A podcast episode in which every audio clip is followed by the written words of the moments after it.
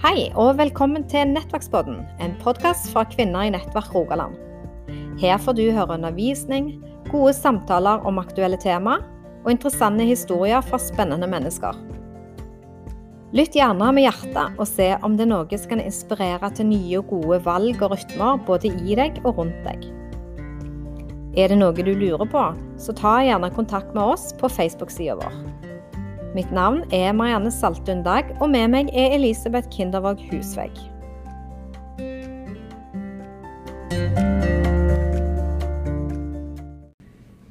Velkommen til en ny podkastepisode. I studio i dag så er vi på faktisk ikke i vårt tradisjonelle studio. Nei. I campingvogna mi. Vi har flytta oss litt i dag. Ja. Vi er faktisk eh, på en campingplass, men ikke i campingvogna. Vi er på ferie. Yes. Yes. Det er fantastisk. Med unger og pikkpakk og hele greia i pøs, øs, pøs. Og pga. dette regnværet så har vi flytta oss inn i den svære hallen i Saronsdal sammen med han som styrer hele bøtteballetten her. Rune Edvardsen, velkommen til oss. Takk skal du ha. Det var jo veldig hyggelig å bli invitert til seg sjøl. Nå var jo meningen at vi skulle ha deg ned i retro campingvogna vår, og du skulle få deg en god kaffe der. Ja. Men nå ble det Dette, være. dette går veldig bra. Det, Ja. det gjør det. Men kan vi ta den kanskje seinere når det slutter å regne? Ja, Veldig ja. god plan. Kanskje episode nummer to. Eh, du Elisabeth, du har eh, vært her et par år på rad. Ja, nå har vi vært her i fire år, faktisk. Ja. Tida går vanvittig fort. eh, og det å få på en måte reise ned til Saronsdal som en hel familie Jeg nevnte det for deg, Rune, at det, for oss har jo det vært en velsignelse fra den eldste til den yngste fra en annen verden. Det var som å komme hjem når man kom til Saronsdal for første gang. Eh, men det som er liksom spesielt for meg, er jo at i min oppvekst så har det jo ikke alltid vært like populært eh, når en snakket om Saronsdal. Eh, så jeg var jo ganske spent første gangen jeg kom ned her. Hva er det som møter meg nå? Og så bare har det blitt liksom som en fornyelse fra år til år. At du reiser hjem og er litt sånn klar igjen. Sant vel? At du får Ikke bare er det ferie, på en måte, men du får òg eh, fornya deg. Du får den forfriskende opplevelse hvert eneste år. Spesielt i år, vil jeg si. Eh, så, så jeg tenker liksom det der med altså eh, å få anbefale videre en ferie og en, et sommerstevne, eller generelt eh, det som dere i Troens bevis driver på med, det gjør jeg fra dypet av mitt hjerte. Mm. Og det, jeg tenker jo det der litt grann for at folk skal bli kjent med deg, Rune. Eh, hvem er Rune? Hvem er sønnen til Are Leidvardsen? Hva står du i? Hva brenner du for? Det, det, det lurer jeg av og til litt på sjøl, hvem jeg er. Ikke sånn i personlighet, men liksom når du kommer til Kristen-Norge, så er jeg litt sånn annerledes. Litt sånn, Mange som sier det, at du er liksom sånn litt sånn, sånn annerledes, og det tar jeg egentlig som et kompliment, da. Men, men uh, i min oppvekst så har jeg på en måte jeg eh, blitt født inn bak innhegninga. Liksom, her var det liksom store overskrifter om foreldrene mine, og du har sikkert lest noen av det, eller din, din, din jeg får huske 70-tallet i Sarensdal var det litt mer tenner tenna i tapeten, og det var litt mer sånn eh, skal vi si, romstering, da. eh, Hvor, hvor media og mange liksom hadde mange saker oppe, og til og med vår egen bygd, så kunne vi liksom kjenne at det var litt sånn Ja, det var Sarensdal var litt sånn spesielt, da. Eh, Men for min del som vokste opp liksom hjemme på Åmot, nede her i ei lita gate, så, så vokste jeg opp i et helt normalt hjem, vil jeg si. Selv om mine foreldre var liksom tydelige misjonsledere, og mamma og pappa, det pregde jo hele heimen noe hva de holdt på med. Men det var ikke noen sterk menighet og sånn, så jeg var jo egentlig litt sånn litt vanlig rampegutt i gata da når jeg vokste opp. Aldri liksom helt hatt den der følelsen at jeg var plassert inn i et gjerde og måtte være sånn og sånn og sånn. Og det lot på en måte foreldrene mine meg få lov å være. Altså, vi hadde ikke den der trange greia at vi hadde plent nødt til å be hver dag, og vi hadde på en måte, vi måtte bare være sånn som på noe, nok har forma meg òg, da. Eh, og jeg prøver å gjøre det sammen med mine unger, som jeg, som jeg lærte av dem. Blir å si det at det er et bud jeg ikke har problemer med. Jeg har veldig mange andre. Eh, Det er du skal hedre din far og din mor. For jeg har hatt det godt med mamma og pappa, og jeg har på en måte alltid hatt det fint med dem. da. Så det, det er nok det budet som jeg sliter minst med. da. Ja. Så sliter vi jo med litt med å bjude noen hver av og til. Men, men, hvem jeg er? Jeg er egentlig en, en uh, feiging. Uh, jeg vokste opp så, så jeg stor i kjeften. Men når slagene begynte å gå liksom blant guttene, da stakk jeg først. Uh, jeg holdt meg litt i bakgrunnen når det liksom begynte å bli sånne greier. Og, og jeg kan tenke meg sånn, når jeg da etter hvert ble med i kristent ungdomsarbeid, så, så, var jeg med som litt sånn Lærte meg å spille gitar og sånne ting. Så jeg ble liksom med i den gjengen som, som gjorde noe. Alltid var aktiv. Men også hele tida sånn liksom i menighet og mange ting, så, så, ble jeg sånn liksom De må gjøre det her. Noen må gjøre det. Altså det er noe som mangler. Det er alltid den som hadde gode forslag. Men, men, men ikke så flink til å liksom si Kanskje når du sier deg, så handler det om deg sjøl òg.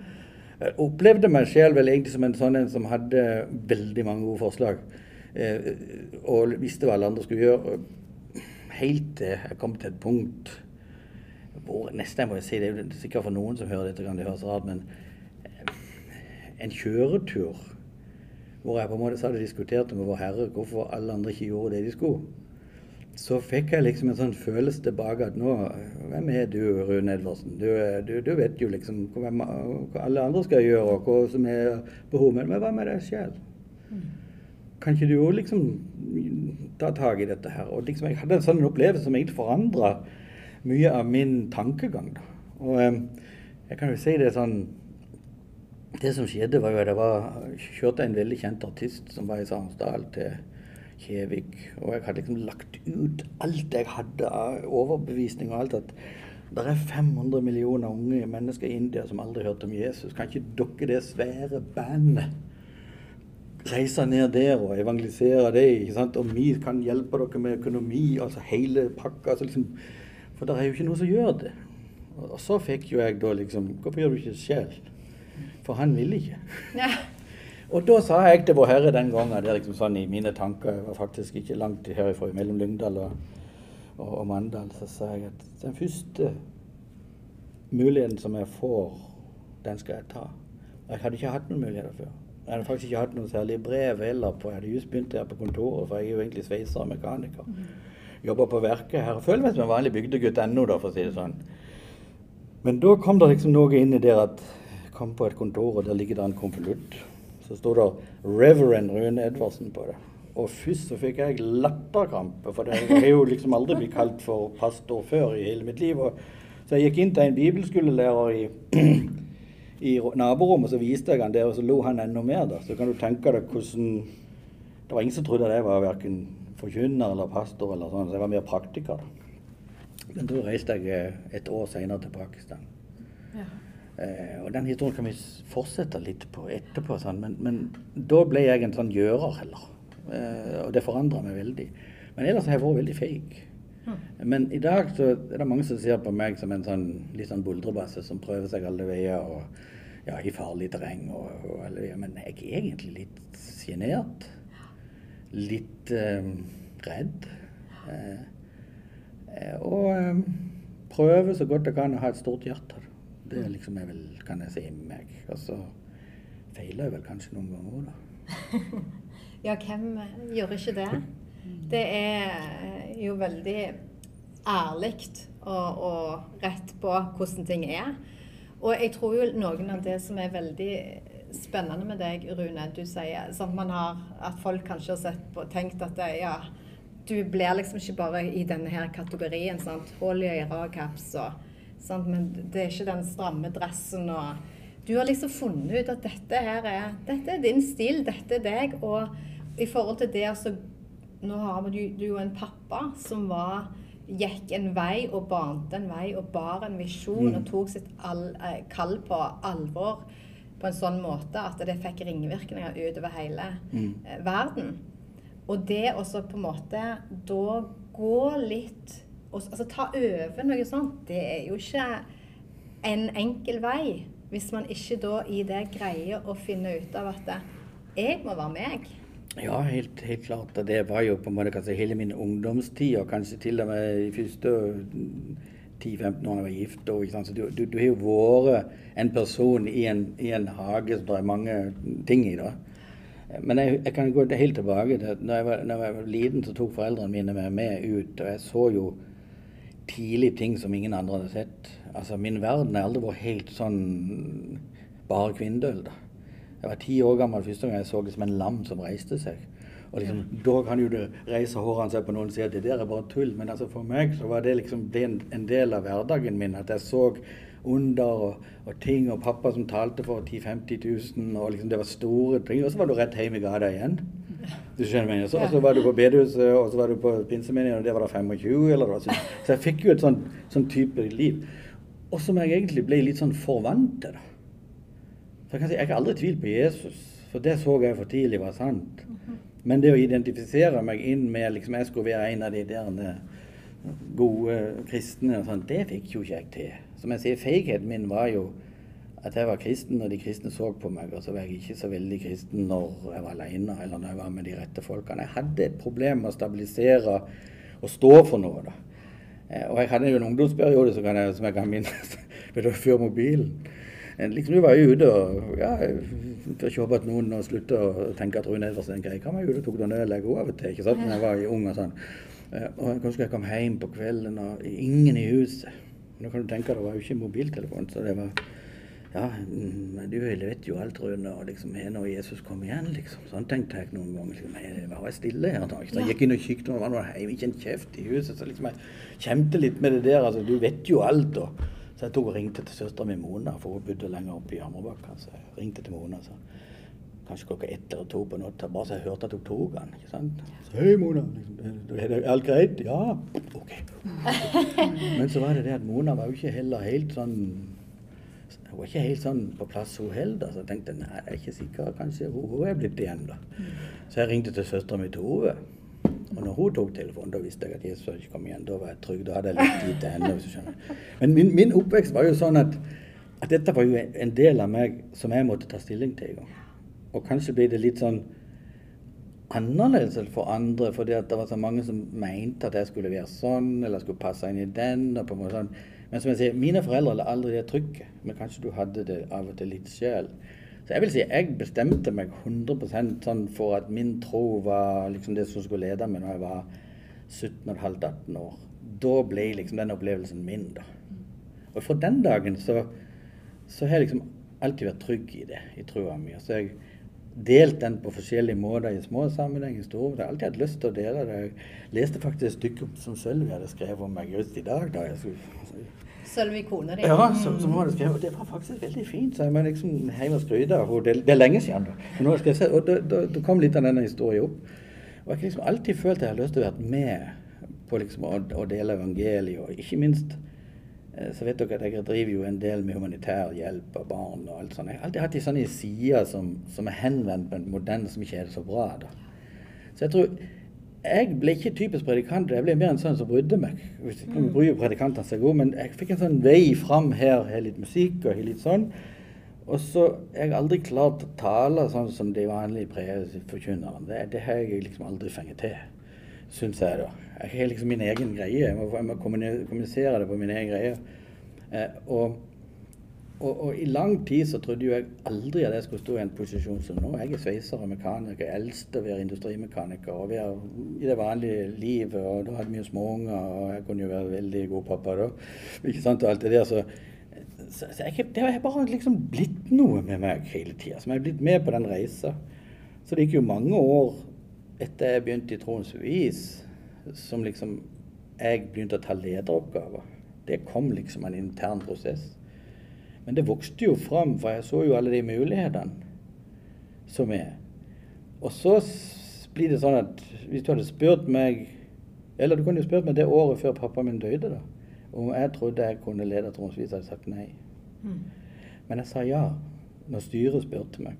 Fordi jeg visste at min far skulle leve i ti år til. Sånn tenkte jeg. Så liksom Jeg kan jo hjelpe til her. Så kommer jo dramatikken. Ja. Eh,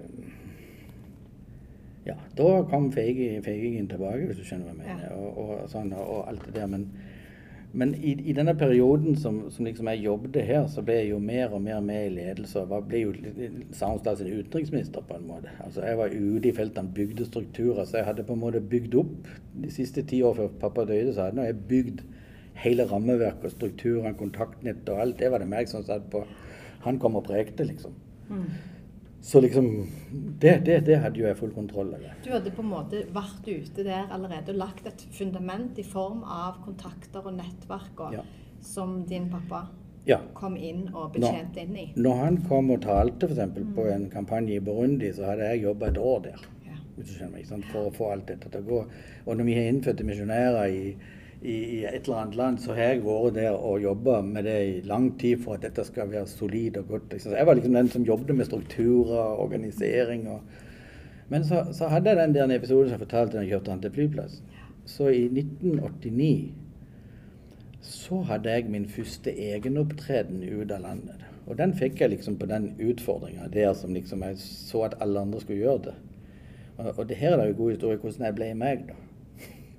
Fordi da tenkte jeg musikk det er ikke så verst å spille og synge og sånn. Jeg kan det. sånn tål, Hvis jeg klarer å holde en bra konsert. Og preken er jo overhodet ikke noe problem, for pappa er jo liksom en av verdens beste predikanter, og jeg kan jo alle de pre- prekenene hans. Jeg har vært med han nå i 20-25-30 år ute, og jeg, han har jo ti prekener, og det- jeg kan de utenat. Så det var ikke noe jeg hadde sett de slå igjennom i land etter land, så det var jo no problem. Så jeg stal fem av de prekenene. Jeg tok uh, prekenutkastene, så reiste jeg. Jeg kom til Pakistan, og første gang var det minneplakat som hang oppe. ikke sånn, Hele gata var liksom uh, malt av mitt hode i forskjellige bilder. Dette var jo før uh, det var leddskjermer, så liksom, det var jo svære, dramatiske ting. Og kommer inn på en stadion der, så er det 3500 mennesker som er kommet der plutselig for å høre meg. Uh, ja, altså min første tur. Og de er jo muslimer òg. Og eh, jeg hadde jo fått all slags advarsler fra kristne at det var farlig å reise der. og og så liksom, jeg hadde jo mye i, i, i systemet da jeg kom der. Og så hadde vi vel støvsugd alt det. Det var lydanlegg i Lahore i Pakistan, så det var en tøff scene, og det hadde aldri gjort før. Og, og vi, vi starta opp da konsert, og da er det 200 som begynner å slåss med en gang. Vi trodde jo vi var i offer for et eller annet kupp, eller hva det var, for det var ganske kaos. og Ledelsen sier 'bare spill, bare spill'. bare spill. Det var min lovsang før talen, hvis du skjønner meg. Det var en sånn to, 200 menn som sloss. Eh, Men det roa seg og ble fint. Og så spiller vi en konsert, og folk er happy, altså. De syns det var godt. Ja, ja. Og det var gøy å liksom endelig være ute. Kjenne de nye luktene og være på ballongoppskyting. Det var jo full stas på da. Men så skal vi preke, eller skal jeg preke, da. Så jeg stiller meg jo fram der i lyset. og Jeg husker det var sånne såpeboblemaskiner som de har på sirkuset. Så du var jo full av sovebobler allerede. Det gikk noe vilt akkurat det der showet. da. Spørs om vi ikke må få opp et bilde på podkasten på akkurat de boblene der. Ja, Vi kan se om vi kan finne det. vet du. Så, men så har du, så har du det at jeg legger meg til å skal preke, men etter fem minutter så har jeg jo brukt alle mine pappas fem prekener og står der stokk tom, vet ikke hva jeg skal si. Eh, Og flammelysene er der, og folk sitter der, det blir stille, og beina mine begynner å skjelve, og liksom jeg bare kommer liksom stemmen i huet. Altså, dette er jo ikke deg, så ser du, nå har du tabba deg skikkelig ut. Nå har, du reist ut på misjonspengene til Troms Bevis, og dette er jo ikke deg, du, du skal gjøre alt det andre. Sånn sto jo jeg og kjempet med meg sjel der i, i det flammelyset. og Jeg vet ikke hvordan det var ved publikum der akkurat da, men jeg tror det var ganske merkelig. Men etter to-tre to, minutter så klarer jeg å summe meg, og så tenker jeg litt sånn som vi gjør i Kvinesdal. Liksom, hvis alt annet ikke gjenger, hva som gjenger nå? Eh, og, og, og hva er det du kan, da? Og da fortalte jeg liksom historien min om, eh, om litt om meg sjøl. Men jeg fant på at jeg var veldig redd for å si Jesus òg, for dette var jo skummel plass. At jeg skulle fortelle om min beste venn, åssen min relasjon er til, til Jesus som bestevenn. Så jeg prøvde liksom å gå litt rundt og, og brette dette ut som en artist kan da litt, ikke sant? for du kan jo lage bilder. Og jeg tror jeg fortalte en veldig fin historie om det. Og så tenkte jeg at denne bestevennen min er Jesus, sa jeg første gang. Og så, så hørte jeg det sumde i, sa- eller i, i forsamlinga, så jeg lurte på var det, var det positivt eller var det negativt. Så, altså, så, så redd var jeg, for å si det sånn. Jeg var helt på Og, og når jeg hadde talt kanskje i tolv minutter, så hadde jeg ikke mer igjen da. Og da bestemte jeg nå sier jeg ammen. Og så spør jeg forsamlinga der, da, som sier, det var 3500 mennesker. Hvor mange er det her som vil ha Jesus som bestevenn, sånn som meg? Så kom det 2100 mennesker som ville gi livet sitt til Jesus. Og dette er jo etter min syn da mot alle oss litt kaos, litt eh, feila totalt på en måte. Men etter den dagen der så bestemte jeg meg for jeg skal aldri i hele mitt liv prøve å kopiere noen. For det er det da jeg er dårligst til. Og, og så har jeg på en måte fortalt min historie som jeg sier, jeg har blitt flinkere å fortelle historier. Jeg har opplevd utrolig mye som jeg kan fortelle historier om. Og jeg har på en måte tatt masse ting inn i livet. Så, så jeg har alltid følt meg som en sånn som ikke er like Jeg er ikke akkurat sånn flink som alle de andre, men jeg gjør mitt beste, da. Og, og, og det er en fin plass å være på.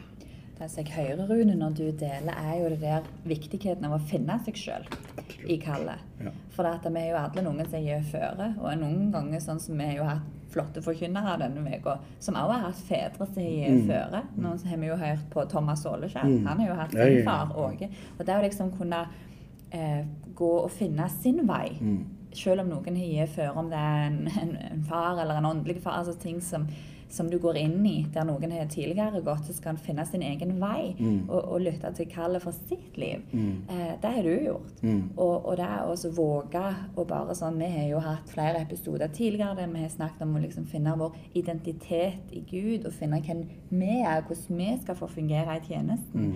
Eh, og så er det der med at når en gjør det, så er det likevel Den hellige ånd som skal få gå Mm. I forveien og jobbe med folk. Og så skal vi bare få gå på kallet. Og så er det han der oppe som, som gjør jobben. Eh, og det tenker jeg altså Når jeg hører du fortelle, jeg kjenner jo jeg får frysninger. Altså det er jo Tenk for en opplevelse. Men, men når du snakker om kallet her, Ja. så, så, så, har- så jeg på en måte to, to forhold til det. Og Det ene er at du kan ha et kall. Det andre er om kallet fenger deg. Hvis du skjønner hva jeg mener. Altså, du, du kan liksom kjenne på Mange tror jeg òg går i en, en, en de, de, Det ligger noe der framme som jeg skulle ønske å gjøre. sant? Eh, Og, og for min del skal jeg fortelle en utrolig dramatisk opplevelse. Hvordan Kalle fikk meg. da. For, for jeg tror det er noe av det avgjørende. For vi kan ha gode ønsker, vi kan be og vi kan sende og vi kan gjøre. Men jeg tror skal du på en måte inn i det kallet, så må du la det få deg. Og det hendte jo når pappa døde. da. Og da var meg og mamma, for han døde jo i Afrika. Og da var jeg i Uganda, da hadde vi med jentene mine inn til Kongo på de voldtatte sentrene der. Som, og så var vi på vei ut, og så, så er mamma og han i, i Kenya og slapper av noen dager, for han var jo ikke så frisk på slutten da. Og hadde hatt en kampanje på Zanzibar, men jeg satte de i Mombasa, så de kunne liksom hvile litt. Og når jeg sitter da i, Kampala eller i Entebbe på flyplassen, så får jeg en tekst fra mamma som sier at pappa er syk. Um, og hun hadde, sendt, hun hadde lært å sende tekstmeldinger denne uka. Eh, og jeg visste når mamma sender en tekst at pappa er syk, da er han syk, da er han ikke forkjøla. Det er min mor, da. Eh, så jeg skjønte at han steingale. Og så prøvde jeg å ringe, ikke kom i kontakt med henne, ikke noen ting. Og det var jo alt mulig sånn. Men så jeg ringer jo bare til med en jeg skjønner pappa er ordentlig dårlig. For jeg visste jo at hjertet hans så mye var så, jeg ringer til en misjonsfly og en doktor og sier kan vi gå og hente pappa for å få hjulpet han, for jeg ville jo helst gjøre det jeg kunne. Så jeg satte jo i gang et himlende apparat der i den minuttene før mitt fly skulle gå, da, for jeg skulle, jeg skulle en, en annen plass. Eh, og eh, det blir jo sånn at jeg får jo høre da, at min pappa er død på en tekstmelding mens jeg akkurat har satt meg i det flyet og skal ned til Kenya for å prøve å hjelpe han. Og så står der et annet fly og venter på meg. som skal, Vi skal gå ned og hente pappa der han er, og liksom få han inn på sykehuset. Men da, da er jo plutselig dama Jeg kan huske jeg, det var på 18C. Jeg sitter aldri på 18C i flyet mer. Altså, det, sånn. det, var, det var ikke noe godt. Jeg satt der jeg husker i det flyet og tenkte på mennesker. Tenk på hvor mange flighter jeg har i livet. Der jeg satt og hulka og gråt i min stol. Mens folk er på ferie, og noen er businessfolk, og noen skal på party. og liksom, tenker, Det var ingen som så på meg. Du hva jeg mener? Så flyvertinna og kikket litt på meg. Gråter du, liksom? Så sa jeg bare jeg mista pappaen min. Og da blir det sånn, så jeg sier, du, du lærer jo noe i alle situasjoner. Tenk å se folk. Og så kommer jeg jo fram og finner mamma der eh, nede på det hotellet som de bodde, og pappa var tatt av, av gårde av legene. Hun hadde jo prøvd i lang tid å, å få liv i han og gjort alt det hun kunne. Og, eh, men han ble jo erklært død etter hvert. Og neste morgen så skal jo vi på likhuset. Og et likhus i, eh, i Mombasa er ikke som et likhus i Norge. Det er, bilverkstedene er 100 ganger finere, hvis du skjønner.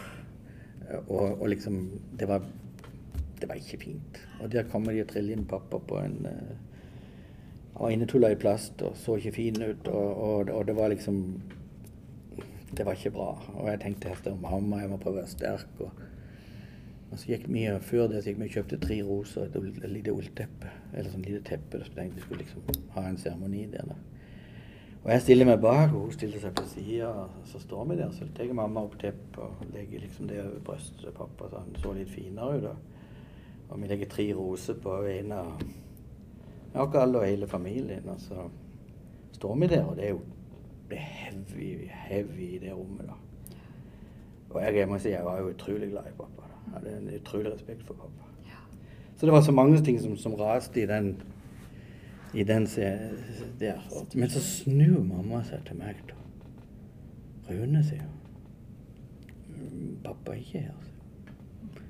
Og jeg tenkte nei, jeg følte jo egentlig det samme. For all trua, alt det han sto for, alt det. Jeg visste jo han hadde reist, liksom sånn følte jeg. det. For hvis ikke han kom der, så hvem skulle, hvem skulle komme der da? Sånn, liksom, hvis du skjønner meg, sånn for min del. Så det var litt den overbevisninga var der.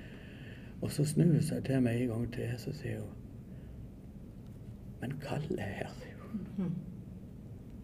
Og så ble jeg først nesten litt sint. Og jeg tenkte mamma, hvordan skal du si det nå? Jeg liker han som du har vært kjæreste med siden jeg var 14 år. Mista pappa. Han er, skal du tenke sånn akkurat nå? Sånn, liksom, sånn begynte det mest først. Men så plutselig er det akkurat som det bare Mamma lyser opp med den gode, den gode personen hun er. Og så ser jeg liksom bare Ja, men kjære de, Rune. Mamma di er ditt største vitnesbyrd. Til og med nå holder trua hennes. Altså til og med nå er det det som hun liksom klamrer seg til som det viktigste og fineste hun har vært med i livet. Og pappas identitet ligger jo i alt det, da. For det var jo det han levde for.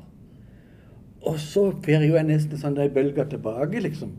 Ja, liksom jeg blir nesten litt sånn Uff, tenkte jeg sånn. Men så står jeg der, så tar jeg jo en ordentlig prat med vår Herre inni meg. Der og sier Ja, nå viste du meg virkelig at det holder, liksom. synes jeg jeg mener. Sånn. Og, og de egen mor, hun, er- hun er solid. Altså, det er jo ikke noe som Det er jo noen som har prøvd å påvirke deg. Det er de egen mamma. Og så tenker jeg liksom ja, Rune, nå er det sjans, nå kan du backe ut, for alle vil forstå dette klarer du ikke. Nå kan du si at dette ble for stort for meg, og overlate hele ansvaret for tronsvis og alt det der som skal nå ligge framfor. Da kan du stikke av, og folk vil si det er OK, de skjønner det. Men så står jeg der, og så sier jeg til Gud Det kan si sånn for min del. Det var ikke noen stemme eller noen verdens, det var bare et, et forferdelig rom. eh, som ikke jeg kan helt klart beskrive. Så sa jeg hva Er det sånn at du vil at jeg skal gå videre? Så skal jeg gi deg 365 dager. Med hele min familie og mitt team og alle de som er i Sarensdal. Men går det nedover, så går jeg. Da er det ikke meg. Det, det er bekreftelsen. Og det er så mye følelser her nå at det er, det er resultat. Du vet ikke hvordan svaret jeg skal få, men det er 365 dager. Så jeg gikk inn i Trosvis sin virksomhet med det. Og så hadde jeg altfor stor respekt for pappa sine sko. Det har jeg aldri prøvd å fylle. Men jeg har på en måte lært utrolig mye av han. Og ikke minst hvordan å være med folk, hvordan på en måte å, gjøre det. Men jeg har aldri prøvd å på en måte gå inn i hans sko. For det, jeg er en av de som vet at det passer ikke meg. Ikke sant? Og så, så der gikk jeg inn. Og så skjedde det jo mange ting hvor, hvor på en måte folk sluttet opp om dette, og jeg fikk mye støtte og hjelp. Og, og så gikk det 365 dager. Så, så måtte jeg jo spørre meg selv igjen. Skal jeg fortsette? Så jeg eh, gjorde jo det, da. Så gikk det 365 til. Og det var enda oppgang. Og det var enda oppgang de, siste, de første fem årene. liksom sånn. Da tenkte jeg ja, men nå, nå må du skjønne at dette er din plass. hvis du skjønner meg. Så jeg spyr jo ikke lenger. Nå, nå på en måte lever jeg i det. Og, og, eh, men også er jeg helt klar over at min person oppi dette tror jeg er litt frigjørende ute på misjonsfeltet òg. Fordi at der er, der er jo en del drama og skuespill i misjonen. Altså, det er sånn, det er litt godt å være rett på og nedpå og, og, og sånn. Så jeg, jeg, jeg trives veldig med, med, med rolla mi nå, da. Når du snakker og når du deler, Rune, jeg merker jo at du er vant med å være på, på gulvet. Sant? Mm. At du er, du er en folkelig mann. Mm. Du er ikke noe øvant og ned Nei, nei, nei, i det hele tatt. håper jeg ikke det, altså. Og, og, det, og det kunne du vært. Ja, for du kjenner jo, Jo, jo. ledere i politisk og, og religiøst over hele verden. Mm. Altså du og, og, og bare det at når vi sitter her altså, Vi blir jo glad i deg bare du deler, for du er så åpen, og du er så ærlig, og du er så ekte. Det er hele ved ja, i deg sjøl. Eh, og bare det at du forteller fra livet ditt og vitnesbyrdet ditt òg, det er jo så inspirerende. Og nå snakket han jo om det der viktigheten av å liksom ha eh, Å vite hva er mitt vitnesbyrd. Nå deler du ditt mm. vitnesbyrd, mm. og det tenker jeg vi kan jo oppfordre lytterne til før, mm. hva kan gjøre igjen. Mm. Eh, og liksom finne ut av det. Hva, hva, er din vei i dette? Ja, og jeg, jeg tenker jo, sånn for du sier, jeg vil ikke være en kopi av andre. Eh, og, og, så forteller du denne historien som, der du opplever dette her med kallet, hvor altså, dette her handler ikke om hva du får til, men du, Gud, er mm. den som er nødt til å mm. vise for meg at dette her er noe ja, ja. som du vil. Sant? Og det med å si ja, jeg var en sveiser og en mekaniker, og jeg, på en måte, jeg er den praktiske personen person. Jeg har selv en mann som er lege, og langt fra praktisk. Mm. Sånn som du kan si det at når vi har gått på kamp, reist på campingtur, så tar vi alt fra grunnen av, og det er ingenting som faller oss naturlig, noen av oss. Så så vi, har, vi, vi er gifta forskjellig. Nå, nå, tror jeg at Sølvi da ville, bli, ville, si det at noe av den praktiske tingen den falt litt av etter hvert. Bare sånn for å være veldig ærlig om det. Eh, men, men, jeg, men jeg, kan, jeg, kan, veldig mye, da. Og jeg, og jeg, er på en måte Jeg kan litt for mye ja. noen ganger. Men, men, jeg er ikke den beste praktikeren hjemme i huset lenger nå. Altså, jeg var barefoot, jeg må bare innrømme det. Men, men, jeg skjønner virkelig hva du, hva du sier da. For det at eh, men, men, men, det du sier til meg òg her um, i, I livet så er det sånn at de menneskene som har imponert meg mest, er de svakeste. For å si det rett jeg får, jeg får jo jobbe med som jeg sier, voldtatt og mishandla barn. Jeg har sett mødre som er ti unger, og, og ni av de er voldtatt. Altså, jeg ser det når de holder rundt beina til deg og sier 'vær så snill, hjelp oss', og, og gråter der i sin forferdelighet så har liksom, jeg ser det i håpen så altfor mange av de som liksom de store pastorene eller predikantene eller på en måte president eller hva ever du har møtt, de, de, de, kommer ikke, de, de når ikke til knærne, i den tapperheten. Og så kan jeg si noe som, noe som er så bra i de situasjonene. Litt samme som mamma. Jeg har ennå ikke funnet en mor som jeg klandrer Gud. Jeg har funnet mange i Vesten som sier hvordan kan Gud leve være når han er sånn og sånn. Men jeg har funnet, jeg, jeg har funnet det som jeg har funnet rundt forbi i junglene og i flyktningleirer og hvor det var. Det er liksom, nå er det eneste som er igjen, det er Gud. Og det er det eneste tryggheten jeg har. Og jeg sier de, de talene jeg har hørt, for jeg har hørt noen tusen taler i mitt liv Noen av de beste talene jeg har hørt, er akkurat for de der som er svake som viser en styrke som er bare helt vanvittig. da.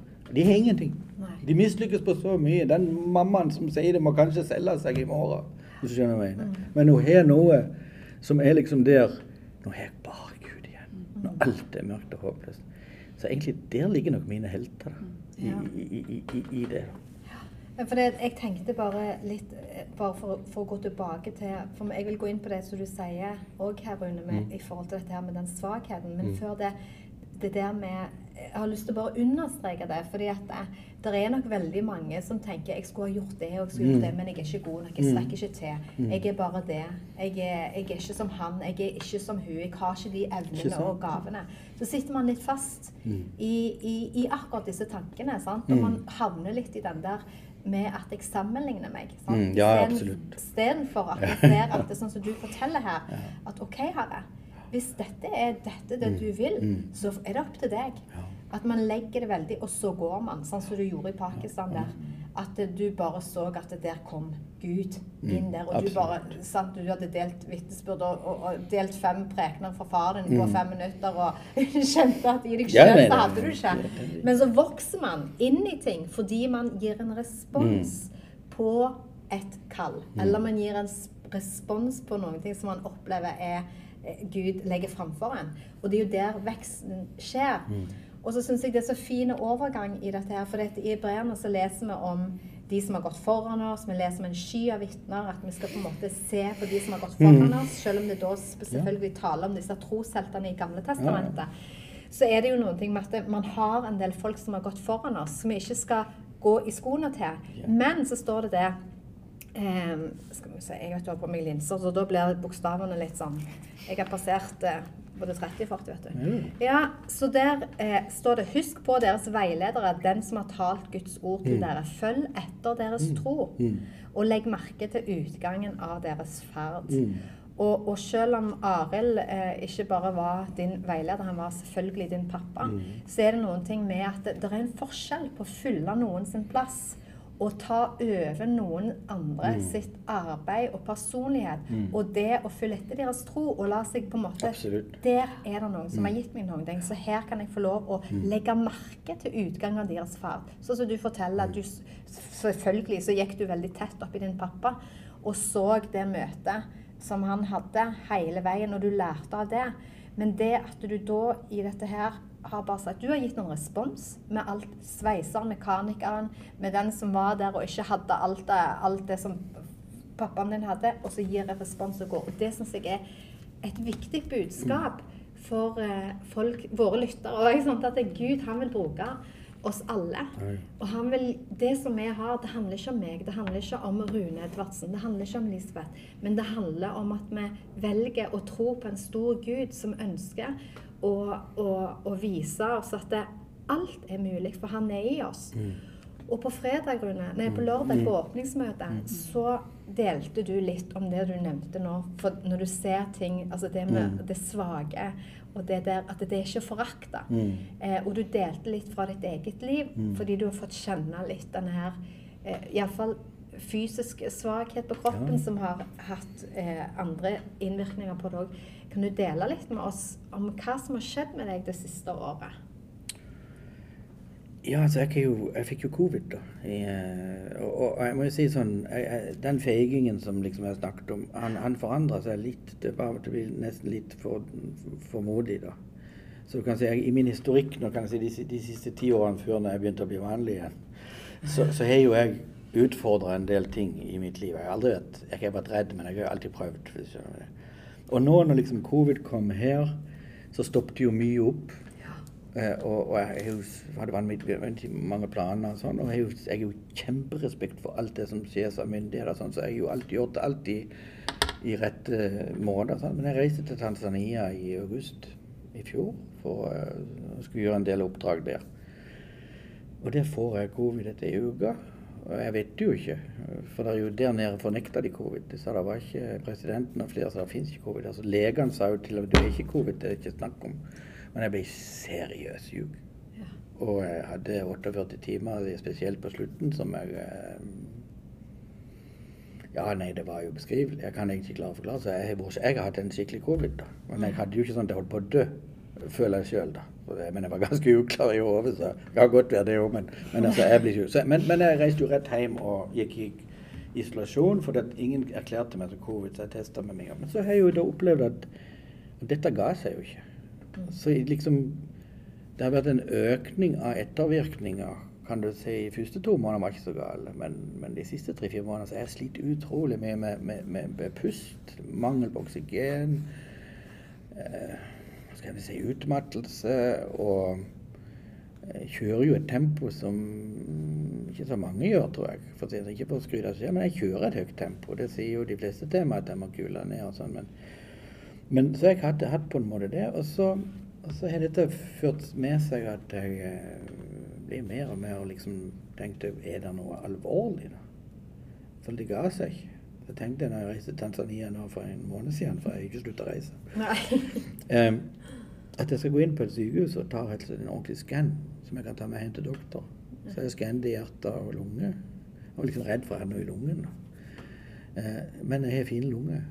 Uh, og, men så sier han at men hjertet ditt er stort. uh, og det må du følge med på, for det kan være farlig hvis det blir sånn og sånn. Så jeg fikk en sånn dramatisk alarm på det her, at liksom nå er du nå er det slutt. Så fikk jo ikke det, men altså, dette er en ting som du, du må følge med på. Så begynner jo selvfølgelig eh, jeg er til doktor her, eh, og jeg er i en prosess nå hvor jeg driver og sjekker sånn, så jeg, jeg vet jo ikke alt ennå. Så jeg kommer hjem, og de tar EKG og de tar noen blodprøver, og så sier jeg jo det er en hjertefeil som jeg har. Eh, og samme hvor tøft du er i trynet, så, så når du får den beskjeden, så, så begynner du å tenke litt. Og, Du har jo familie, og du har jo på en måte omgivelser. og Jeg har jo tusen oppdrag i hodet. Ikke sant? Og liksom, jeg er i noen store ting nå, som liksom er noen av mine største høydepunkter i livet. Det er jeg nå. Så liksom, du fikk to-tre dager der det gikk litt fram og tilbake i kanalene i hvordan skal dette gå. Eh, men så bestemte jeg meg for å legge det i Guds hender, altså, for å si det sånn. Han, har han råd til å ta meg hjem, så, så tar han meg hjem. eller sånn, Men, men jeg gjør mitt beste. Så jeg har bare lagt om kosthold. Begynt å ta litt uh, hensyn til meg sjøl, som jeg kanskje ikke har vært så flink til. Men jeg har prøvd å ta det alvorlig da, de siste. Og jeg kjenner faktisk, når jeg må bare si, når vi sitter her, så, så har jeg en mye bedre pust Eller hadde for tre-fire dager siden. Og nå kan du si sånn, jeg er heldig som er misjonsleder i Sarensdal, fordi at jeg har 2000 kinesere som ber for meg. Jeg hadde en forsamling som ba for meg. Jeg folk så, når, når, vi ikke sitter her og sier at jeg er helbreda, for det, det, det, det, blir feil å si her, men jeg tror at alt hjelper. Ikke sant? Og så må jeg bare si de siste dagene så føler jeg meg mye bedre. Altså, nå kan jeg dra pusten helt inn. Det har jeg ikke kunnet gjort på lenge. Eh, så, så, så venter jeg på en ultralydundersøkelse den 21., og så vil jeg ta det derfra. Men, men, vi er alle sårbare. Ja. Ikke sant? Og, og, som du sier her eh, som jeg tenker litt, du, du mener litt også, Jeg tenker mer sånn hvis jeg kan drive den tjenesten som jeg gjør, så kan alle gjøre det. For, for, for, når du kikker inn i skapet ditt, og når på en måte du, du, du, du, vet alt det som skjer i livet, og alt sånt, så, så, må du være ydmyk. Og det er bare Gud som kan på en måte gjøre de resultatene. Og, men, men det er en hemmelighet, og det er å ta ett steg fram. Hvis du ikke tar det steget, så blir du sittende med de tankene du sier jeg skulle gjerne vært med på, jeg skulle gjerne sett sånn. Du er nødt til å ta det steget. Det trenger ikke være stort. Et, kanskje et steg for andre, da. Eller et steg for deg selv. Og, og, og, og, sammenligningen er jo kanskje noe av det verste. For hva vil folk tenke hvis de gjør sånn? Hvis folk tenker jeg prøver jeg å være nå, alt det er jo Norge totalt. Men, men, men, det er jeg ferdig med. Mm. Men jeg har funnet ut, og det kan jeg bare si det på podkasten, kanskje et, et, et, godt poeng er det at jeg har ennå aldri kommet et sted hvor ikke Jesus gikk sammen med meg. Jeg har ikke vært redd for å gå inn i det, i, det, i det området eller i, i, den situasjonen. Kjent frykt på det. Men når jeg kommet der, og du kikker deg rundt, så er det kjent landskap. Fordi at du er sammen med, med det som, som, du lever for. Jeg har aldri følt meg alene en eneste plass når liksom det har blitt litt skummelt og litt farlig. Du skal på en kanskje også utrette, og du skal stå der og forkynne evangeliet kanskje til folk som aldri har hørt, som kanskje ikke er så positive. Så jeg følte liksom Jeg har aldri noen gang kommet i en sone hvor han ikke var. Altså, og, og, da ser du på når du, stod, når du sto på utsida, så så du alle, alle bekymringene og, og, alle begrensningene og hva som kunne gå galt. Det er jo noen som når du prøver å si om vi skulle gjort det, så spør du hvor mye koster det. Det, det er jo det, er det første folk spør om. Eller nå kommer vi inn i et nytt rom som er malt en flekk der. Det er forskjellige typer mennesker. Men jeg er jo ikke akkurat sånn. Jeg er mer sånn Jeg lanserer det. Og så prøver jeg å gå inn i det. Og så er det rart med den veien bare Den, den, den åpner seg, da. Så, så, det er vel heller sånn Hvis du på en måte sitter der og tror du må bli Rune Edvardsen eller en eller annen forkynner eller ha en voldsom tjenestekall for Jan Gud, så det er spinnfeil. Mm. Ja. Det er helt feil. Ja. Vi har alle våre steg vi må ta hver eneste dag. Mm. Jeg tenker når du fordeler dette eh, Det som jeg sitter litt igjen med akkurat nå, er trua. Du sier det er holdt for faren din, og det er heller for mora di og i det du deler nå i denne sesongen mm. som du har vært i nå, det heller for deg òg. Ja, det gjør det. Gjennom alt. Ja. Mm. Altså, skulle, Der skulle jeg likt å være kjempegod predikant og forklare trua mi. For det, det er liksom øh, Hvordan kan jeg forklare ordentlig tro? For det, da hadde jo folk forstått det mye bedre ikke sant? hvis du kunne lagt det i åren. Mm. Men jeg vil si det sånn for min del, så så er liksom trua mi inni hele meg. altså. Jeg, jeg, kan ikke liksom ta vekk noen deler av meg som ikke liksom lever i den tryggheten. Og, og så er vel en sånn Høres kanskje banalt ut, altså, men gjør det noe om, om vi ikke var her så veldig lenge?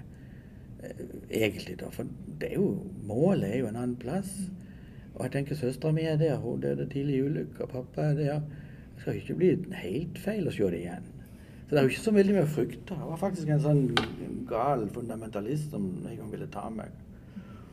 som stilte seg opp i ansiktet på meg og sa det, nå skal jeg, jeg drepe deg for du er en kristen. Sant? For du står her oppe og påfører kristne. Altså. Nå er jeg jo ikke jeg muslimfiendtlig, for å si det sånn. Jeg er veldig glad i muslimer. Men jeg, i, og da, da, fikk jeg en sånn kraft i meg som sa ja, vil du det, sa jeg. Da gjør du meg bare en tjeneste. For da kommer jeg til å se himmelen og målet mitt lenge før jeg egentlig hadde tenkt. Og han ble helt paff. Ja. Det var ikke gøy lenger. Hvis du skjønner hva jeg mener. Og litt sånn, sånn, sånn kan du leve, så kan det høres veldig lettvint ut. Men, men du har jo frykt. Barnebarn, kone, eh, omgivelser, du har venner. Hvor på en måte liksom de kommer til. Men, men jeg er føler på en måte at jeg er jo ikke redd. Er ikke denne det du egentlig snakker litt om nå, Rune, eh, denne fryktløsheten Ikke sånn den der dumme Mm. Men denne her med hjemlengselen. Tenker du ikke at den er egentlig noe som er litt egentlig sunn, og som kanskje vi skulle sett litt mer av? Fordi at eh, når den frykten drives vekk, Mm. så på en måte så står det egentlig bare en tillit igjen Mm, ja, ja. til Tillit. Herren. Mm. At det, mitt liv, det tilhører Og det blir jo det samme som Shadrach og Meshach og Abednego. At det, om vi går inn der, Ja. så er det Herren som styrer det. Det er han som, det er han som Mm. bestemmer. Det er ikke du, konge. Det er ikke dere. Det er Herren som bestemmer Mm. det. Og jeg tenker at det, i en sånn en tro, så kan du litt forstå det som foregår rundt på forskjellige plasser i verden, der Mm. folk er villige til å gå i døden for sin tro. Ja. Vi hører jo veldig mye, spesielt i Iran, Ja. som foregår der han er, møter dette daglig. Ja.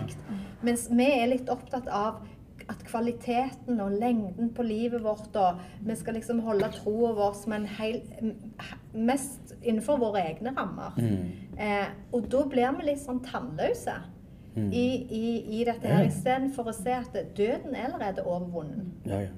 Og, og, og en har det som må, målet for øye, at vi skal møte han. Mm. Eh, og når det blir drivkraften i det vi gjør, da, det er vel kanskje da at vi mister vårt eget liv. At eh, jeg, For jeg husker ikke, jeg har vært litt ute sjøl, og Mm. jeg har stått litt sånn ansikt til ansikt med eh, forskjellige situasjoner Mm. med, med, med gunnerter og litt Mm. sånn som dette her. Og, og jeg har bare skjønt det er jo ikke du, Gud. Det er jo ikke jeg, Gud. Det er jo du, Gud, som må le, lede meg. Det er jo Mm. du, Gud, som var Hvis de sier, ringer til meg, pastor som ringer til meg og sier du kan ikke reise opp der, du er blond og du er alene, det er farlig der, du kan bli kidnappa, så kjenner jeg Men jeg har kjent i mitt hjerte at jeg skal gjøre det. Og han er jo den som må beskytte meg. Han er den som må bevare meg. Mm. Eh, men, og jeg bare kjenner at det du sier der, Rune jeg, jeg tror dette er en veldig, veldig viktig budskap og en veldig viktig faktor hos oss som troende. At vi har det for at vi ikke skal bli disse her Ja, ja. redde, litt sånne Jeg tør ingenting og Jeg tror det. Så tror jeg folk tenker nesten ikke på himmelen nå uten de mister noen. Ikke sant? Og da kommer det nært, sant? eller når det blir farlig. Men, men det er jo den dimensjonen som er i hele trosbudskapet. Vi er jo satt med Gud i himmelen allerede. Vi er døde med Kristus, vi er en ny skapning. Ja, gamle Adam henger oss lenge med. Men, men vi, vi er jo for alltid. Det som er egentlig oss. Og, det er jo en dimensjon som av og til kan være greit å bare liksom strekke seg litt opp. Det gjenger linjer over alt dette her, som liksom er det vanlige vi holder på med. Det er et fundament her hvor Guds sannhet ligger. ikke sant? Eh, Og den må du jo gripe når du kommer, når du kommer til kort på at du skal ha ny kjøkkeninnredning og, og litt sånt forskjellig. Det er jo noe, noe mer, da. Men nå er jo ikke jeg fanatisk. og jeg mener Min familie er ikke fanatisk. Vi er helt normale mennesker. Og, og noe som jeg også har satt på en måte som mål for meg selv, det, det jeg tør å si ut forbi kiosken her nede på en lørdags formiddag når det er mye folk, det skal også være det jeg skal si offentlig. ja. Jeg skal stå inne for på en måte det som jeg gjør. Så det er jo sjelden du finner meg helt oppe i skyene med noen voldsomme uttalelser. om sånn, sånn. Jeg føler på en måte det jeg kan si til mennesker som ikke tror, eller som på en måte ikke ennå har funnet veien. Det skal alltid lyse et positivt håp i det å være en ledende ting. Så, så, og det tror jeg når du ser ute i verden nå, som, som du ser her, du kan komme opp i, i kulturelle øh, avsporinger, du kan komme opp i religiøse avsporinger, du kan komme inn i sånn og sånn. Det gjelder også å bruke litt av det språket som på en måte ligger i en nasjon. Jeg jobber jo veldig mye med å skal inn i nye nasjoner og, og plante kirke. Da er det liksom du, du, du kan ikke gjøre det med å sitte i en hotellobby og preke med ti, ti, ti predikanter, for da har du ikke skjønt noen ting. Da må du ut blant folk. Da må du være der såpass mange ganger og ikke ha noe med pastorer å gjøre. Sånn. Men skjønner, hva er det det folket driver på Hvor, hvor er de politisk? Hvor er de familiært? Hvor, hva tenker de? Hvilken type spørsmål har det i dagliglivet? For da kan du begynne å snakke.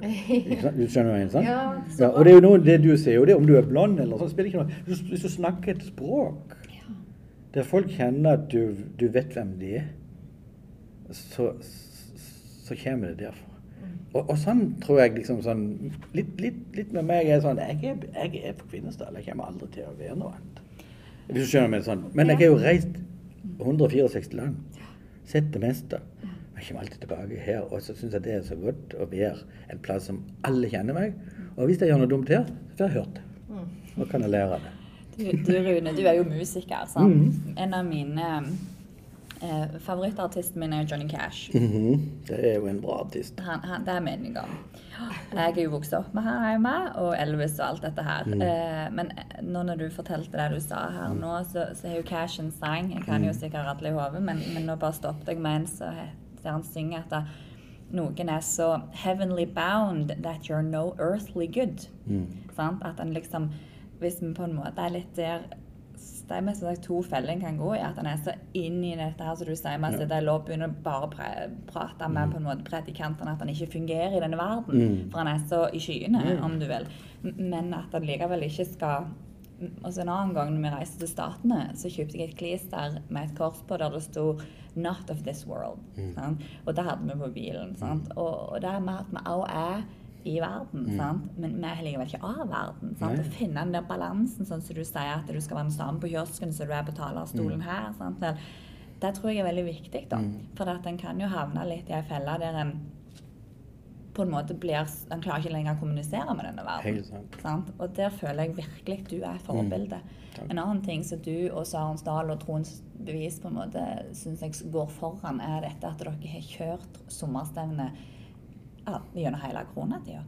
Og, og jeg har jo liksom kjent det veldig sårt og så sett på alt som har bare liksom blitt nesten lagt- lagt ned. At det er mer blitt Jeg føler jeg har veldig av respekt, sånn som du sier, for alt som har måttet tatt hensyn til. Men jeg føler at det er så mye der Yes et friår eller to. Sant? At den liksom, Hvor er brannen? Og jeg bare kjenner det var så fantastisk når alt annet lå nede, at vi kunne komme her. Og fått liksom den der, fått forkynnelse, fått fellesskap med avstand. Og at dere har jo vært forbilledlige i å likevel kjøre opplegget deres her nede eh, og ut og alle veier. Selv om det har vært covid. Du har reist fra der om. Du fikk covid til og med. Altså, men at en ikke legger inn årene selv om en møter nye utfordringer. Eh, Takk for det. Ja.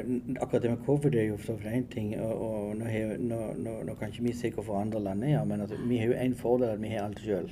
Altså, vi, vi, vi har denne plassen, så vi kan på en måte, vi har ikke leieforhold. Og på en måte, så, så, sånn, men, men jeg har jo snakka med flere som måtte lagt ned og syns det er veldig trist. Men, men for meg var det sånn at covid kom, så var det liksom Jeg skal være den siste til, til, til, til å ikke gjøre det. Og det skal være når myndighetene sier no. Sant? Det, det var mitt. Men når du snakker om det du snakker om nå, så Skal vi ikke reise når, det, når de andre har det som verst? Altså, Skal vi være som bistandsarbeidere som reiser hjem når krigen kommer? Når pandemien er som verst, så stikker folk av, og ambassadene tømmes fordi de kan ikke være der. Vi som har trua på Jesus, vi burde jo iallfall være der. Og jeg sier det, jeg sier det, det er vel dem, det, dem, det er min oppfatning. Og det er klart, nå jeg eh, gjenger jo ikke i hva som helst av situasjoner, men jeg har jo en viss tro på at de gangene jeg ikke lykkes òg noen ganger rundt i verden, som når jeg var der når alle andre stakk av, så har jeg laga noen bånd til det miljøet og til det lokalmiljøet eller til den byen og til det stedet som de aldri glemmer. Eh, og og, og eh, litt sånn Jeg blir litt trigga på det. altså Jeg må bare si det nå. Men det du sier akkurat der med at en burde være de siste som la ned, og de første som åpna igjen, det tenker jeg sånn vanvittig Det, det er en helhetlig tanke i det, tenker jeg. Også, jeg bare når du, eh, akkurat det der jeg, en av de filmene som var, har vært med på å forme meg, Mhm. det var 'Hotell Rwanda'. Ja, ja. Eh, det som skjedde der, som gjorde så inntrykk på meg, at, for det brøyt meg virkelig på en sånn måte at jeg, jeg grein ganske lenge. Jeg har tatt den opp, jeg har brukt den i undervisning, jeg har brukt den veldig mye for å illustrere det. Men det var jo fordi at den konflikten som skjedde i Rwanda, som tok livet av en million på tre måneder, eh, så, så fulgte vi jo det som skjedde i selve hotellet. Mm. Men når da FN kom og skulle redde ut, så de som ble redda ut av situasjonen, det var de hvite. arbeiderne. Ja. sant? Så du ser til og med den ene som har med hunden sin, som Ja. sitter inni den bussen, mens resten er left behind på en måte i hotellet. Og det, var, det ble så talende til meg. Jeg bare sa Gud, jeg vil la meg aldri bli den som setter meg i bussen. La meg være den som kan være igjen og stole på deg i den situasjonen.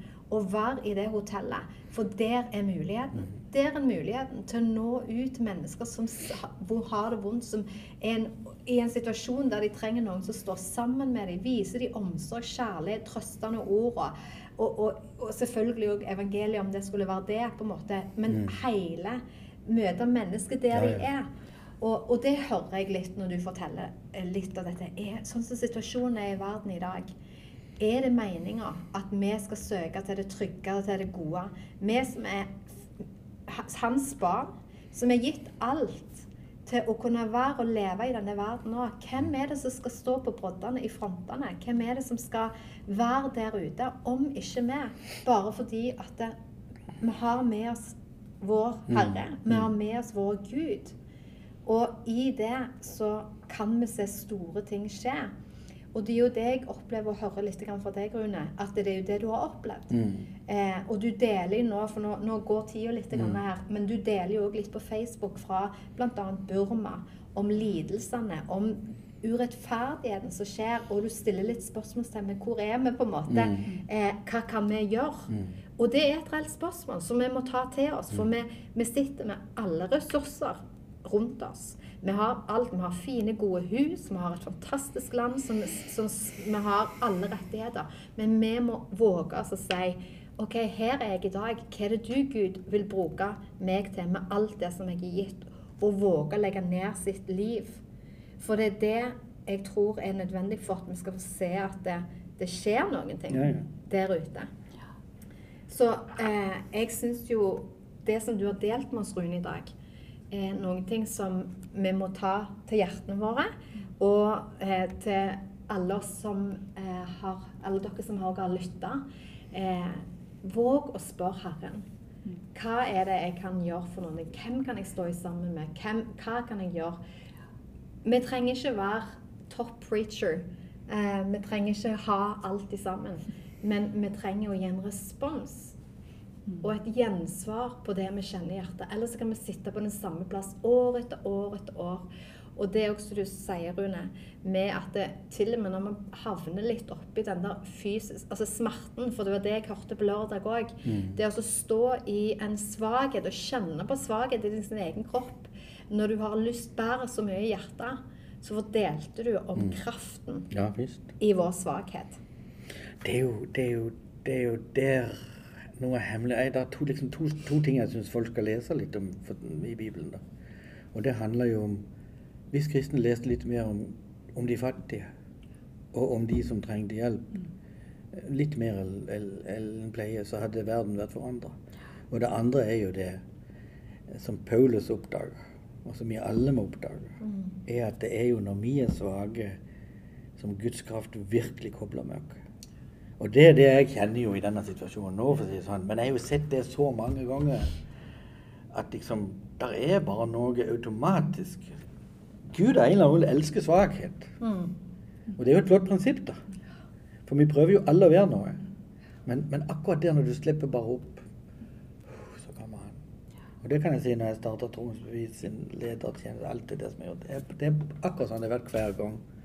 Hvert framsteg har vært fordi at nå Nå trenger vi Guds kraft, og det er hans verk. Og det tror jeg i livet òg. Vi kan gå og ha mange, mange ting, og, men, men vi, livet er jo vanlig òg. Og midt i det vanlige der, så, så er det òg noen ganger som vi kan bare sette oss her på kjøkkenbenken og si at ja, nå er det din tur. Litt sånn nå. Jeg må bare si det fungerer for meg. For eh,